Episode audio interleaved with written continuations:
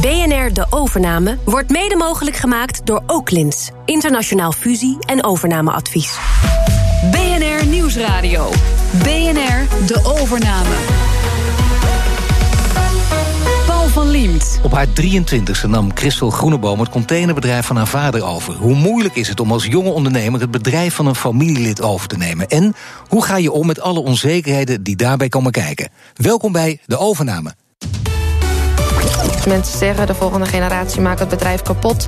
Als het bedrijf goed loopt, dan zeggen ze ja, dat komt door je vader. En als het slecht loopt, dan zeggen ze van ja, je hebt het naar de Filistijnen geholpen.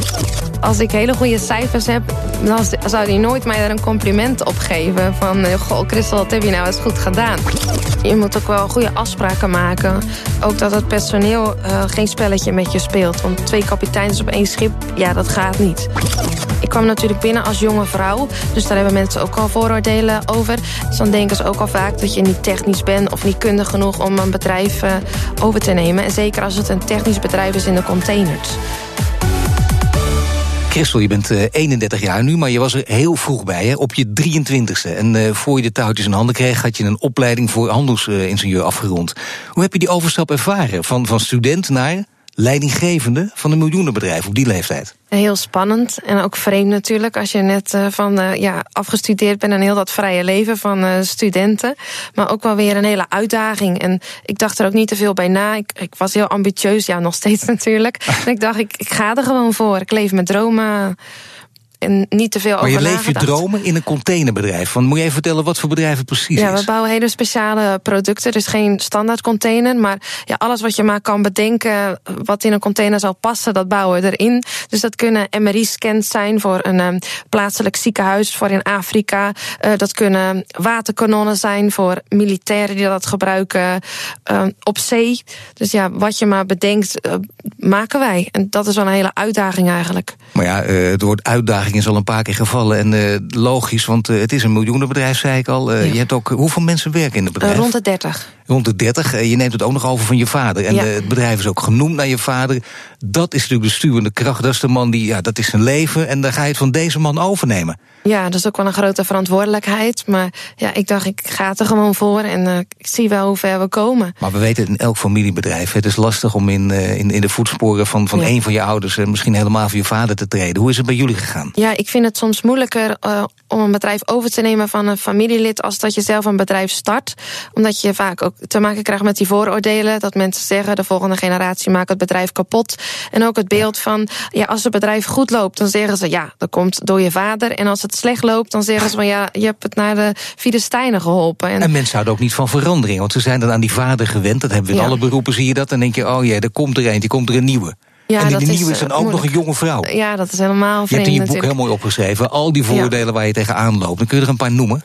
Ja, de, het idee dan van wat ze denken dat je het kapot maakt. Dat heb ik ook echt, uh, dat mensen ja. dat gewoon letterlijk in mijn gezicht zeiden. Had ik net het bedrijf overgenomen en we hadden een heel mooi feest. En dan gaven ze je een hand en dan zeiden ze, nou je hebt een geweldig feest, Christel. Maar uh, ik denk dat je over een paar jaar kapot bent. Nou, en die mensen die dat tegen mij zeiden, die zijn er nu niet meer. En ja, mijn bedrijf draait heel nee, goed. Jij dus, dacht, die moet meteen ontslaan.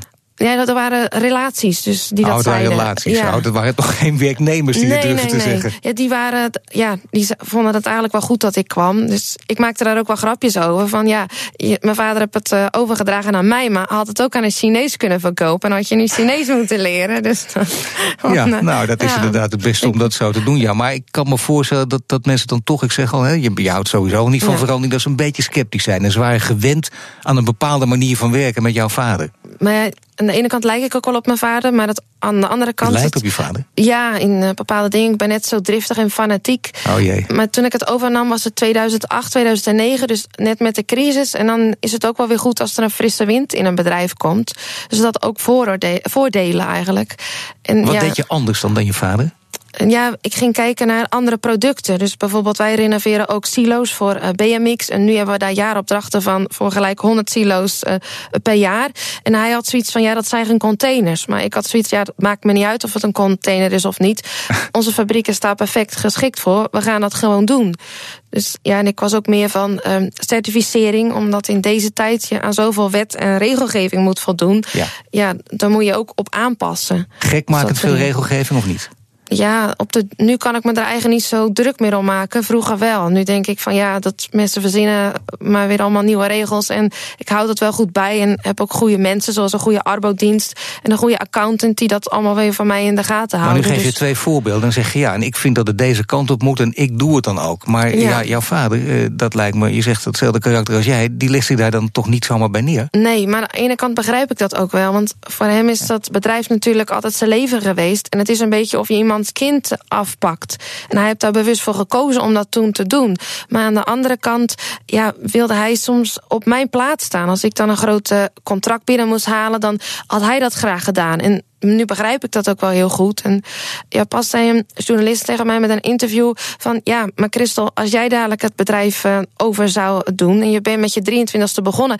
en je bent ook net zo fanatiek als je nu bent... dan ga je hetzelfde hebben als je vader. En ja, nu begrijp ik dat ook wel. En, Ja. Dus dat zie je nu al aankomen dat je dit bedrijf, ja, dat kun je eigenlijk nooit uit handen gaan geven. Nou ja, je kan het wel, maar het, het doet gewoon zeer. En dat beschrijf ik ook in mijn boek, van de pijn die dat met zich meedraagt. En ik ben er ook wel eerlijk in, omdat je, we hebben soms ook ruzie gehad, mijn vader en ik, dat we elkaar de tent uitvochten. Maar dat komt omdat, ja... Mag ik even weten, want dat is wel aardig hoe het dan gaat. Dat geeft iets van jullie fanatisme ook aan. hè. Hoe vechten jullie elkaar de tent? uit? Gaat het verbaal of gaat het ook met een paar tikken Nee, gepaard? dat niet, maar Nee, wel dat niet. echt dat we boos op elkaar konden worden. Omdat En springt je moeder dan in het midden of niet? Ja, die deed dat wel. Dat was voor haar ook wel moeilijk. Omdat dat, ja, iedereen had dan zijn mening. En mijn vader kon dat moeilijk loslaten. En ik had het risico genomen met de lening en alle toeters en bellen erbij om het over te nemen. Dus ja, dan is het voor alle twee moeilijk om. Uh, Nou, weet je wat me lastig lijkt? Eh, eh, de- werknemers eh, zien het natuurlijk ook. Van, wacht even, hier loopt nu een nieuwe leidinggevende. Ja. En die wil deze kant op. En die weten ook heel goed natuurlijk wat vader had gewild. En die snappen misschien ook wel wat voor conflicten tussen jullie kunnen spelen. Heb je om die reden altijd wel je eigen lijn kunnen varen? Of heb je af en toe toch gedaan wat je vader nog zegt? Nee, ik heb uh, mijn eigen team rond me heen gevormd. Omdat, ja, ik vind je hebt drie soorten mensen in je bedrijf. Degene die voor jou zijn, die het wel leuk vinden in een frisse wind. Dat ze denken, k- kijk de kat uit de boom, wat gaat dit geven? Dan heb je de mensen die neutraal zijn, die eigenlijk niet weten wat ze ervan vinden. En dan heb je, ja, ik noem het de dinosauriërs. Dus de mensen die zich bedreigd voelen Ja. voor hun plaats en jou tegen gaan werken. Ja, en die moet je gewoon kwijt zien te raken. En ja, dat zeg ik ook in mijn boek van mag ik meneer Christel even spreken. Ja. eh, dat je daar je team op aan moet gaan passen. En ja, bij grote bedrijven zie je het ook. Dat als er een nieuwe leidinggevende komt, of bij redacties, je neemt je eigen mensen mee. En ja, dat heb ik ook gedaan, dat ik op kantoor ook de mensen gezet heb waar ik goed mee samen kan werken. Dan heb je een overname gepleegd. En in dit geval is het een eh, overname van je Ja, vader. ja. Eh, en- als het dan met name financieel, als we het financieel bekijken, is dat dan makkelijker, denk je? Of is het moeilijker omdat het een eh, familie is? Ja, een familiebedrijf is al gebaseerd op andere financieringsprincipes als een gewoon bedrijf. En dat gaat er al over dat een familiebedrijf niet graag leent bij de bank. Dus ze willen de controle in handen houden. Dus daarom zullen ze minder risico eh, nemen en zijn ze een beetje tegen die bank. Maar aan de andere kant houdt een familiebedrijf ook meer geld in de zaak. Omdat mijn vader zei van ik heb liever het geld in het bedrijf zitten als dat ik het op de bank heb staan op een rekening. Omdat ik meer vertrouwen heeft, heb in mijn eigen bedrijf. Wat ik ja, van nul af aan heb opgebouwd als uh, in een ander. Dus dat, daar begint het al anders mee. Dus, ja, Dat hoor je vaak van ondernemers. Dit Ja. ben je ook met je vader eens? ja, uh, en ik vind ook familiebedrijf. Um, die groeien wel minder, omdat ze niet die grote leningen aangaan en minder risico nemen. Maar naar de toekomst toe zorgen ze wel voor meer stabiliteit. En ja, voor Nederland of voor België is het gewoon heel belangrijk voor de economie uh, dat familiebedrijven ja, daarop gebaseerd zijn. Maar voor een overname kan natuurlijk ook gelden dat je, dat je hele ingewikkelde financiële constructies nodig hebt. Dat er een heel groot gevecht aan vooraf gaat. Of omdat uh, dat je familie bent. Dat bijvoorbeeld een vader zegt: Weet je wat, ik schenk het je. Ja, dat gaat dan niet bij de fiscus. Dat vindt de Nederlandse fiscus niet zo leuk. En dat is ook het vooroordeel. Nee, maar daar kun je wel mee spelen, toch? Op een bepaalde manier, of niet? Nou ja, mensen denken altijd... Ja, dat krijg ik soms als boze reacties op mijn columns... van ja, dan heb, jij het, heb ik het over uh, vrouwenemancipatie... en uh, meer vrouwen in het bedrijfsleven. En dan zeggen ze tegen mij... ja, dat kan je makkelijk zeggen... want je bent zo in, uh, met je neus in de boter gevallen. Maar ja, de Nederlandse fiscus...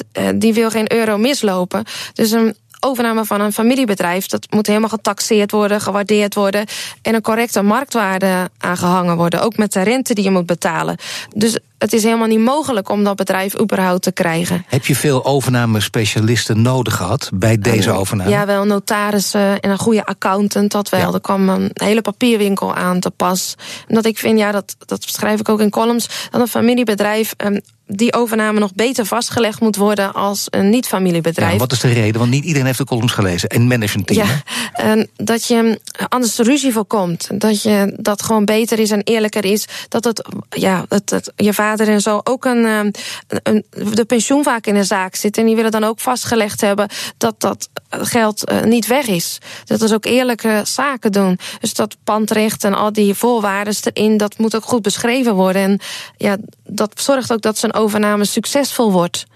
Jij wil ook succesvol zijn, ook met dit bedrijf. En eh, succesvoller dan je vader. Want competitie kan natuurlijk ook een grote rol spelen. Mensen doen er vaak negatief over. Maar het kan ook zijn, wacht eens even, ik wil het beter dan hij doen. Heb je het idee dat het nu beter gaat dan je, dan, dan je vader het deed? Ja, dat is altijd een gevoelig Hij onderwerp aan de tafel. Ik weet toch want- zeker dat hij dit hoort? nou, hij vindt natuurlijk dat hij het beter deed en ik wil altijd Ja, nog steeds. beter doen. Ja, dat, iedereen heeft een beetje eh, ja, ambitie is Ja, dat tuurlijk. natuurlijk. Hè. Dus als ik hele goede cijfers heb, dan zou hij nooit mij er een compliment op geven. Van, eh, goh, Christel, wat heb je nou eens goed gedaan? Omdat hij denkt, ik snap dat ook wel, van als ik haar een compliment geef, dan gaat ze dadelijk minder de best doen. Dus dat is slecht voor het bedrijf. Nou, vaak werkt het wel zo dat je dan denkt, eh, ja, dan gaat ze stilzitten of eh, dan gaat ze achteroverleunen. Ja, maar dat, zo ben Doe ik niet. niet? Nee, Nee. nee. Dus hij mag best een keer een complimentje geven. Ja, dat vind ik wel. Maar, Je zou ook kunnen zeggen, eh, kijk, soms ook als het geen familie is, wacht even, de vorige leidinggevende die moet eh, zijn handen ervan aftrekken. Hoe moeilijk het ook is, je hebt duidelijk gemaakt dat het lastig is. Ja. Dus bijvoorbeeld eh, tegen je vader in dit geval moeten zeggen, dat is heel lastig, familielid, je kan goed met hem vinden, dat je zegt, eh, pa, je komt er niet meer in. ja, dat is wel heel cru. Maar je moet ook wel goede afspraken maken. Ook dat het personeel eh, geen spelletje met je speelt. Want twee kapiteins op één schip, ja, dat gaat niet. Dus dat, dat Heb je heb kun je daar met je vader ook over, over praten, in deze zin? Ja, dat, dat, eh, eh, ja, die vond dat zelf ook wel dat je daar goed Maar betekent het dat, dat hij zelf niet meer binnenkomt? Of dat hij gewoon eh, op bepaalde tijden het bedrijf niet meer, niet meer welkom is? Of kan hij binnenkomen wanneer hij wil? Hij kan binnenkomen wanneer hij wil. En heeft hij daar lang gebruik van gemaakt en nu nog? Ja, want vorige week kwam die langs en dan moet ik altijd wel lachen. Dat de opmerkingen die hij dan plaatst van jongens, het licht uitdoen, energiebesparing en dat soort dingen. Ja, dat blijft er natuurlijk in zitten. En Nou ja, dat zijn geen Leuk. onbelangrijke opmerkingen natuurlijk. Het, nee, daar luister ik dan ook wel naar. Ik moet er ook altijd wel om lachen, omdat hij zijn dingen hebt waar hij op aanstuurt en ik mijn dingen heb. Dus dan denk ik, ja, dat is echt wel kun je typisch verschil, verschil geven? Want dat vind ik wel mooi. Van waar, als het echt om aansturen gaat, wat jij anders doet dan je vader. Eh, ja, waar je de klemtoon op eh, ligt. Bijvoorbeeld, hij deed meer het uittekenen eh, van een ja, heftruck. We hebben een heftruck met een bord erop wat echt 360 graden kan draaien. En hij heeft dat zelf ontworpen. En dan zat hij thuis met een Megano doos ehm, dat, dat te testen. En ja, dat zou ik nou niet zo snel doen. En Nee. ik ben meer van ja, de financiën en, en de, ja, dat soort dingen. Dat ik zelf mijn jaarcijfers aansluit en, en meer naar die kant gaat. Dus dat zie je wel, dat ja, waar je interesse ligt of, of waar je goed in bent, dat dat anders is. Maar heeft hij ook wel eens een advies gegeven, nog, hè, nog steeds misschien, Ja. een advies eh, waarvan je denkt, dat is heel goed, dat volg ik op. Ja, altijd wel. Dat ik, soms ook als ik het met hem niet eens ben, dan zeg ik dat ook wel. Maar bijvoorbeeld, we gaan dit jaar eh, de spuiterij helemaal veranderen. En dan komt hij met bepaalde ideeën dat ik denk, ja, daar kan hij wel eens gelijk in hebben.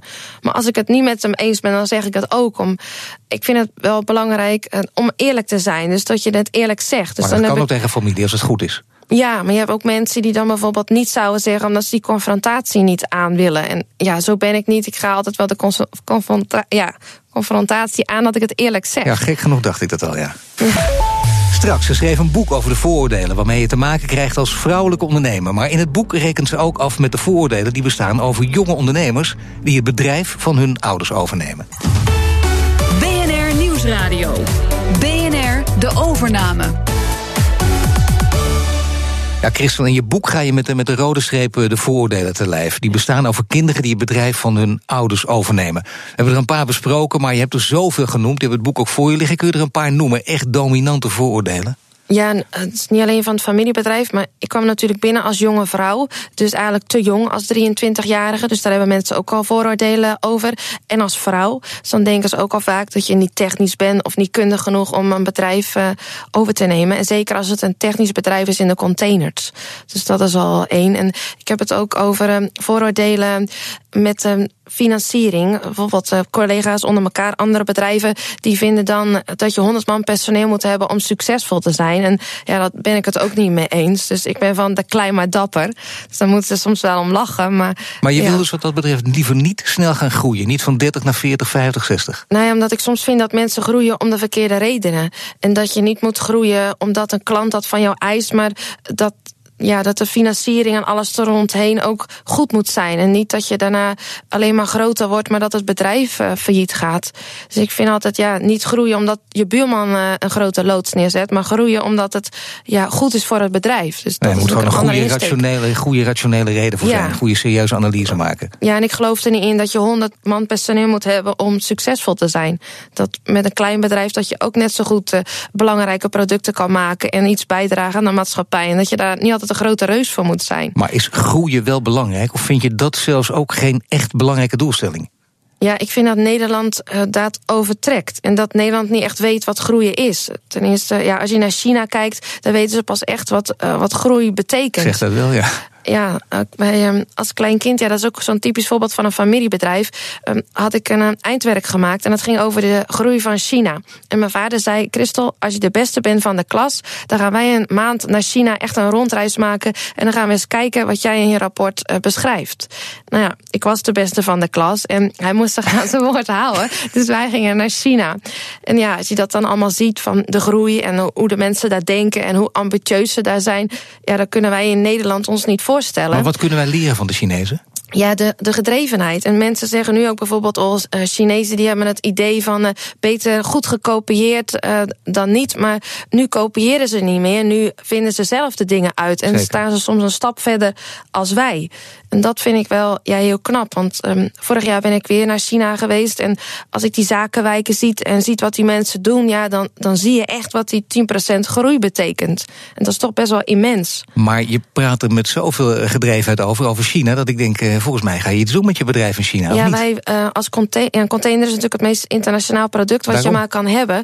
En wij uh, kopen ook uh, in via China, want heel veel containers komen daar ook vandaan. Dus wij staan er altijd wel nauw in contact mee. Maar als het dan over groei gaat en een groeimarkt, is dus China ideaal, zou je zeggen. Je zou veel meer in China kunnen doen. En als je dat echt gaat doen, ja, dan, dan ga je sprongen maken. Ja, maar dat doen Zit de Chinezen vaak, vaak zelf. En die hebben echt geen Europeaan nodig om te groeien. En daar vind ik soms de denkfout in wat wij denken. Dat we soms beter zijn als hun. Terwijl hun heel goed opgeleid zijn en heel ambitieus zijn en echt heel hard werken. En dat is toch anders als bij ons. Ja, maar er zijn natuurlijk wel een aantal zaken waar we in, ons in kunnen blijven onderscheiden. Hè? Bijvoorbeeld ja. uh, creativiteit. Want je hebt ja. helemaal gelijk hoor. Een voordeel om ja. te denken dat Chinezen zelf niks meer bedenken. Nee. Ze, kopiëren, ze doen veel minder in kopiëren. Maar toch hebben we misschien op dat gebied nog wel een voorsprong. Of denk je dat die ook aan het verdwijnen is? Nee, maar dat moeten we wel intact houden. Wij maken hele speciale producten en proberen echt wel dat vakmanschap uh, te houden. En daarom zijn we ook niet de goedkoopste in de containerwereld, maar wel de beste kwaliteit. En daar vind ik wel dat we een voorsprong op hebben. Maar ja, daar moet je wel je best voor doen om dat ook zo te houden dat dat niet uh, een vergane glorie wordt. In jouw boek gaat het ook over uh, de jonge vrouw die het bedrijf overneemt ja. en de voordelen waar je mee te maken krijgt. Uh, wat ik een beetje vreemd vind is, jij bent van jongs af aan met de paplepel ingegoten. Ja. Je hebt van, van je vader alles geleerd.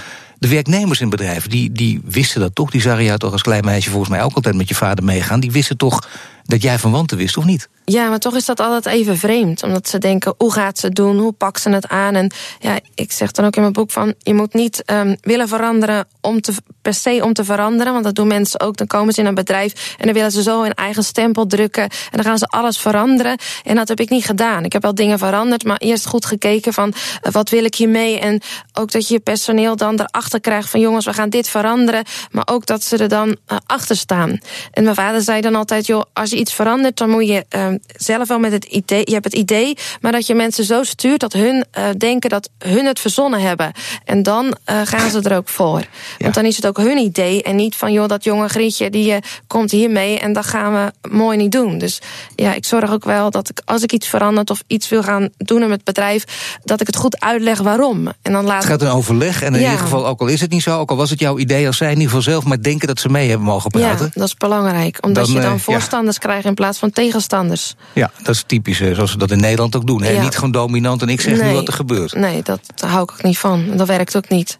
Maar je hebt natuurlijk wel te maken met mensen die denken: wacht even, eh, sowieso uh, klanten of uh, mensen van buiten. En dat beschrijf je ook prachtig in je boek natuurlijk allemaal. En die zien inderdaad, die, die zien jou dan. En die denken: wacht, is dit de baas? Hoe zit dat? Moet je daar nog steeds tegen vechten of ja, valt het nu maar mee? ja, ook de titel van Mag ik meneer Christel even spreken? Soms denken ze echt dat ze een, ja, een man aan het bedrijf zou staan. En of dat ze aan de receptie denken dat ik de koffiejuffrouw ben. Dus dat soort dingen, dat, daar loop je nog steeds tegenaan. Hoe ga je ermee om? Ja, het ligt eraan. Ook nog mijn bui is. De ene keer kan ik gewoon om lachen. En de andere keer vind ik het echt heel vervelend. Dus dat, dat scheelt dan. Uh... Ja, ook als je, bui, uh, als je in de bui bent dat je het vervelend vindt. Wat zeg je dan? Nou ja, bijvoorbeeld als mensen dan bellen dat ze eh, de directeur willen spreken, maar ja, die ben ik dan. Ja, dan maak ik daar soms ook wel eens een opmerking over. Dat doe ik wel. Of we maken er een grapje over. Dat uh, iemand aan de receptie staat, dat ze denken van joh, wie ben jij? Dat, dat doe ik ook wel. Nu is het wel een wereld, die containerwereld, ook een beetje van de stoere mannen. Want van die, die werknemers zijn het bijna allemaal mannen die bij jou werken? Of zitten er ook vrouwen? Bijna allemaal mannen. Krijg ik soms ook wel uh, reacties op. Van, joh, je bent zo voor uh, vrouwen aan de top, maar je hebt zelf geen vrouwen bij je werken. Maar, ik wou het net zeggen. Ja, maar daar kan ik niks aan doen. ik heb nog nooit een, een vrouwelijke latser of een, een ja, industrieel spuiter als sollicitant gehad. En ook niet bijvoorbeeld bij opleidingen van werktuigbouwkundigen. Dat zijn allemaal mannen. Is er ja. wel werk te verrichten daar dus voor vrouwen? Ja, ook, kijk, als er een vrouw zou komen solliciteren, zou ik er gerust aannemen. Maar ja, dat, dat heb ik niet in de hand. Maar deze mannen die ook eh, op een lekker, als het goed gaat, op een leuk ontspannen manier met elkaar omgaan, stevige, harde grappen kunnen maken. Wat ook gewoon lekker is. dan voel je je ook uh, beter in je vel. En iedereen vindt dat prettiger. Die willen natuurlijk tegen jou ook wel eens grappen maken. Zijn er bepaalde grenzen of mogen ze alles tegen je zeggen? Ja, ze zijn bij ons uh, seksistische grap of zo. Dat zouden ze nooit doen, om, ook uit respect. Ja. Maar ik kan er wel tegen, als ze tegen mij ook een grapje maken, daar heb ik geen last van. Dus dat uh, moet ook wel, hè? Nou ja, natuurlijk. Maar je moet wel, dat geldt niet alleen voor jou, maar geldt voor elke leidinggevende die begint. Die wordt natuurlijk altijd toch een beetje op de proef gesteld. En dan moet je, begrijp je dat afstand houden in zekere zin ook belangrijk is. Hoe doe je dat? Hoe probeer je enige afstand te creëren? Ja, dat is soms moeilijk. Omdat in een familiebedrijf sta je ook wel heel dicht uh, bij de mensen. En ja, ze kennen je vader ook. En ja, als er iets gebeurt, of, ja, dan, dan horen ze dat ook. Als, ik zit ja, niet boven op een apart kantoor, gewoon tussen de mensen. Dus ja, als mijn vader dan met de grasmachine in de vijver heb gereden... en iemand belt, ja, dan heb gelijk het hele kantoor dat gehoord. Maar ja, dat, dat moet ook wel kunnen. Dat is nou niet zo Ja, en af en toe, uh, kijk, mensen die, die kunnen ook denken: wacht even, met een nieuwe leidinggevende heb ik problemen mee. Ik wil afscheid nemen. Je zegt van sommige relaties heb je ook afscheid genomen. Heb je ook van uh, werknemers afscheid genomen? Ja. Of zijn die blijven werken? Uh, nee, omdat ik vind, ja, dat is ook in mijn boek wat ik. Mijn motto is: je moet een team hebben wat bij jou past. Ik noem het je eigen liggertje om je heen. Ja, dan moet je soms afscheid nemen van mensen, omdat dat gewoon niet klikt. Ben je daar goed in, mensen ontslaan? Ja, dat blijft moeilijk. En mijn vader zei dan altijd: van ja, als je dat niet wilt doen, dan moet je geen ondernemer worden, want dat hoort er nou eenmaal bij. En dat is wel waar. Dus het hoort erbij, maar leuk is het natuurlijk nooit. Nee, want mensen zeggen dan dat het niet fijn is en dat het niet menselijk is. Maar het zou, als je in een, een rotte appel laat zitten, is dat voor alle anderen toch een ramp? Ja, je moet soms gewoon. Uh, ja, we hebben ook wel eens iemand gehad die. Uh, ja, dronk heel veel Red Bulls. En die zei dat hij aan de Red Bull verslaafd was. Ja, en dan krijg je ook opmerkingen van andere personeelsleden dat hij altijd te laat was.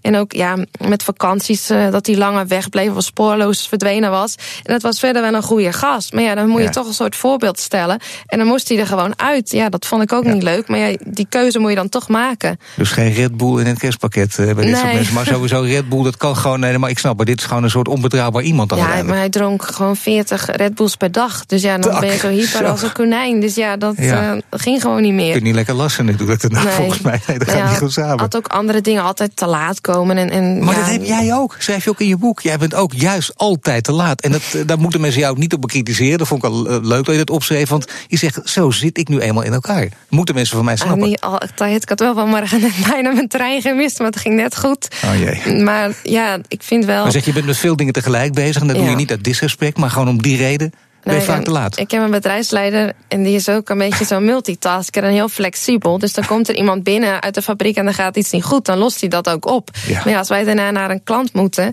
ja, dan gaat dat wel eens verkeerd dat we iets te laat zijn. Dan zeggen we van, joh, we stonden voor een dichte brug. En toen zeiden die mensen, ja, maar op heel jullie traject is er helemaal uh, geen enkele brug. Dus ja, dan stonden we natuurlijk wel voor gek. Ja. Maar het ging meer om het idee dat als je vijf minuten te laat bent, dat mensen dan je gelijk gelijk onbetrouwbaar vinden of alles uh, dat het uit onrespect, uh, onrespectvol is. Maar ik hou een studie aan waar ze zeggen dat het aan je persoonlijkheid ligt. Dus dat je twee ja, typen mensen hebt, een A- en een B-persoonlijkheid. En ja, de multitaskers daarin, die hebben een grotere kans om te laten komen.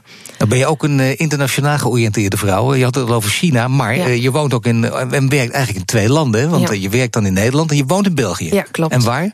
In uh, Schoten, vlakbij Antwerpen. En ik ja, vlakbij Antwerpen. En dan heb je natuurlijk, ja, ook, je hebt ook kinderen? Ja. En je hebt ook een man? Ja, die is man is een Belg? Ja, ja. En dan heb je natuurlijk ook iemand nodig die je bijstaat, die zelf ook ondernemer is geweest. Want het gaat heel over die vader, maar je hebt ook nog een moeder. Ja, ja, zeker. En die, je moeder is heel belangrijk volgens ja, mij. Ja, ook met als ik iemand ontslaat. Of ze hebben soms een nuchtere kijk erop als dat mijn vader uh, heeft met het bedrijf. Omdat hij zichzelf altijd vergelijkt. En anderen ook niet altijd eerlijk antwoord geeft. Omdat hij ja, dat zijn ja. mening heeft. En mijn moeder wel, die staat er eerlijker en neutraler in. En ik vind dat ze soms ook een beter beeld heeft over het bedrijf als uh, andere mensen. Maar dan ben jij een heel zelfstandig type. En uh, dan dacht ik, nou, die neemt de moeder niet mee. Maar je hebt wel je moeder meegenomen. Ja. Maar dat is bijna een soort collega van je, als ik je zo hoor. We gaan woont nog shoppen in, uh, in Amsterdam natuurlijk. Ook nog. Op wiens kosten? Nee, sorry, dat mag ik niet vragen. En dan gebeurt er nog iets. Namelijk, uh, je moeder woont ook tegenover ja. je. Ja. En toen zei ik, nou, dat is gezellig. En toen zei hij volgens mij tegen mij, nee, het is niet gezellig, het is handig. Ja, het is ook wel fijn dat je zo dicht bij elkaar woont. En ook met de zaak dat je ja, dat allemaal kan combineren. En we hebben een hond die ik dan ook naar mijn moeder brengt. En af en toe gaat hij mee op kantoor. Maar soms is die uh, iets te ADHD en dat kost me dan allemaal plafondplaten. Oh Zo'n hond die die Red Bull drinkt, of niet? ja, dat, dat niet, dat heeft hij niet nodig. Maar dan breng ik hem naar mijn moeder. Dus, en dan praten we ook altijd van als ik belangrijke beslissingen moet nemen op de zaak, dan vraag ik altijd wel wat zij ervan vindt.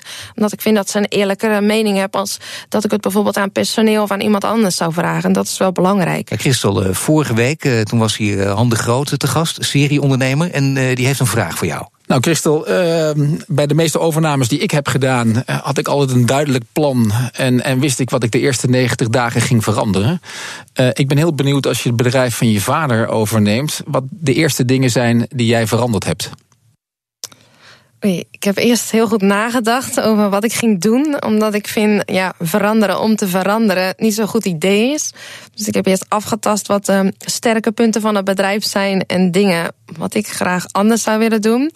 En toen ben ik ja, eigenlijk stap voor stap uh, begonnen met een investeringsplan. Waar, ik, ja, waar we geld aan gingen besteden. En dingen wat ik nog steeds doe. Ieder jaar neem ik met de bedrijfsleider en uh, ook de jongens in de fabriek door van waar gaan we dit jaar geld aan besteden en wat zouden jullie graag willen hebben.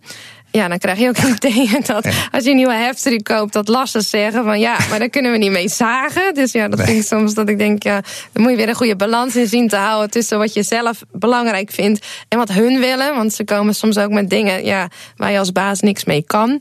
En toen ben ik als eerste begonnen aan um, ja, een nieuwe heftruck te kopen, maar geen gewone. Wij hebben heftrucks uh, die 20 ton um, lading kunnen pakken met een bord erop die de container um, 360 graden ronddraaien.